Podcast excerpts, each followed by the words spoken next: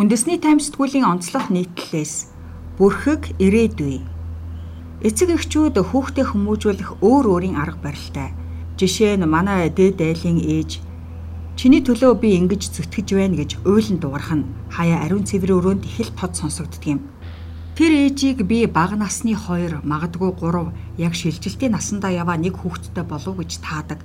Учир нь оройд хүүхдүүд гүйлдэж юу юугүй тааз нураагаад ороод ирэх нү гэмээр болдгийг бодоход тэднийд бага насны хүүхдүүд бий. Бас амьдралын стрессээ хүүхдүүдтэй нааж та нарыг тижээх гэж би гэж орилж байгааг нь сонсоход энэ айлд юм ойлгох насандаа ирсэн том хүүхэд ч бас байгаа болов гэж боддог. Яг энэ ээжийг ингэж өгүүлснээр миний хүүхэд хүмүүжин намайг ойлгоно гэж эндүүрсээр яваа аав ээжүүд одоо үед байсаар л байна. Гэтэл ийм үйлдэлээс хүүхэд хүмүүжил төлөвшил бус би ачаа дараа болдгийм байх гэсэн ойлголтыг аваад шархалж дарамт мэдэрч сэтгэл зүйн гэмтдэг байна. Сүүлийн жилүүдэд энэ мэтэр эцэг эхийн харилцаа, гэр бүлийн уур амьсгалаас үүдэлтэйгээр хүүхдүүд сэтгэлийн хямралд өртөх, цаашлаад зан үйлийн эмгэгтэй болох тохиолдол нэмэгдэж байна. Ялангуяа цар тахал дэгдэж хүүхдийг нийгмийн харилцаанаас бүрэн тусгаарлсан өнгөрсөн 2 жилийн хугацаанд энэ асуудал улам дамжирчээ Хүүхдүүд ихэвчлэн сэтгэл түгших, анхаарал хомсдох, хид хөдөлгөөнтөх, хоолтын эмгүүд түгээмэл илэрдэг байна. Үүнээс гадна үс идэх, хумсаа мэрэх зэрэг гаж зуршилтай болох нь олширч байна. Эх хүүхдийн эрүүл мэндийн үндэсний төвийн мэд засалчид саяхан нэгээс 2 жилийн турш үс идсэн 13 настай охинд хагалгаа хийж 1.2 кг үсийг ходоодноос нь гаргаж авчээ. Охиныг эмч үзээд энэ хүүхдэд сэтгэл зүйчийн тусламж шаардлагатай гэд тус төвийн сэтгэл зүйч охинд тусламж үзүүлсэн юм. Өмнө нь хэд хөдөлгөөнтөх эмгэгтэй үсэддэг 5 настай хүүхдэд ийм эсэсэл мөн хийж байжээ. Түүнчлэн багаасаа эсхий эзэн хүүхэд орон нутгаас ирж хагалгаанд орж байсан тохиолдол ч бий. Энэ мэд тохиолдлууд жилээрх тусам нэгдэж байгаа юм байна. Тухайлбал үс идэх зуршилтай хүүхэд их хүүхдийн эрүүл мэндийн үндэсний төвд жилд дунджаар нэгээс 2 удаа ирж имчтүүлдэг байсан бол 2022 он гарснаас хойш 4 сарын хугацаанд ийм асуудалтай 5 хүүхэд иржээ. Их хүүхдийн эрүүл мэндийн үндэсний төвийн сэтгэл зүйч Дэлгэрмаа гэр бүл маргаантай байх, эцэг их муудалцах, салах зэрэгт хүүхэд маш ихээр стресстэйж сэтгэл зүйн хямралд ордог. Энэ үедээ тавгүй байна гэдгээ ээж аавдаа төдийлөн илэрхийлээд байхгүй үүнээс үүдэн үс идэх, хумсаа мэрэх зуршилтай болох нь түгээмэл. Сүүл тагалгаанд орсон үс иддэг зуршилтай охины тухайд гэр бүлийн асуудалтай байсан. Манай дээр ирсэн хүүхдүүдийн дийлийнх нь өсвөр насныхан. Сүүлийн 3 сарын тайлангаас харахад гэр бүлийн асуудлаас үүдэлтэй сэтгэл зүйн асуудалтай 19 хүүхдэд тусламж үзүүлжээ.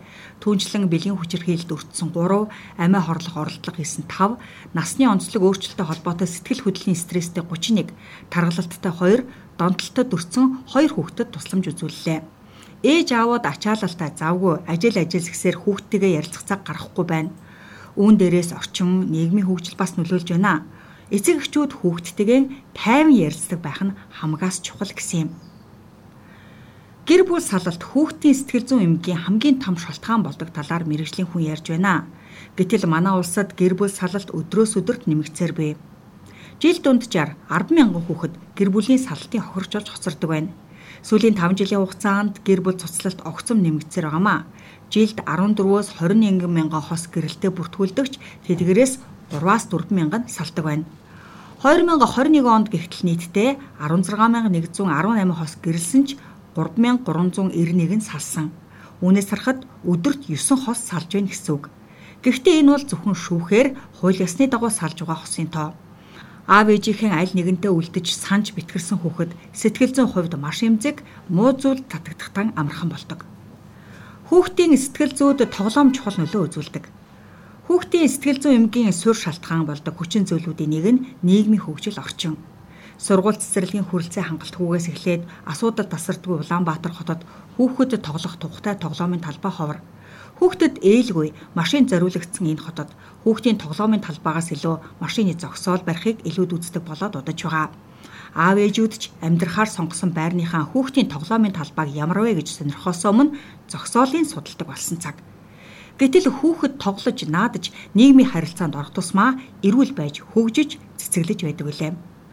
Тодруулбал тоглоомын сэтгэл зүйн тухай Кроссын амьдралд бэлтгэх онолд тоглоомын явцад хүүхдийн засан зохицох чадвар хөгждөг гэд тоглоом нь амьдралын дасгал сургуйлалт мөн гэсэн байдаг. Харин хуул хүүхэд алдагдсан деважинг тоглоомонд ахин амьлуулдаг юм гэжээ. Энэ мэт олон онлоор тоглоом хүүхдэд үнэхээр тустай болохыг нотолсон. Өнөөдөр Монголд хүүхдүүдийн хэдэн хувь нь сэтгэл зүйн ямар асуудалтай тулгарсан, ямар асуудалд өртөх эрсдэлтэй байгаа зэргийг судалсан зүйлгүй. Гэвч энд нэг л зүйл тодорхой байгаа нь хүүхдүүдийн сэтгэл зүйд анхаарал хандуулах цаг болжээ. Эцэг эхчүүд хүүхдүүдэд ханиад том хөрх, халуурч бүлээрх үед анхаарлаа хандуулж эмчилдэг шгэ. Цан авир сэтгэл зүйд нь гарсан өөрчлөлт болгоныг жижиг элтгүй анзаардаг байх нь хамгаас чухал. Учир нь сэтгэл зүйн эрүүл мэнд бие махбодын эрүүл мэндтэй шууд холбоотой. Ийм учраас анхаарахгүй бол хүүхдийн суралцах чадвар, өөртөө итгэх итгэл, нийгмийн харилцаанд орох чадвар гээд бусад чухал чадруудыг хоош татдаг байна.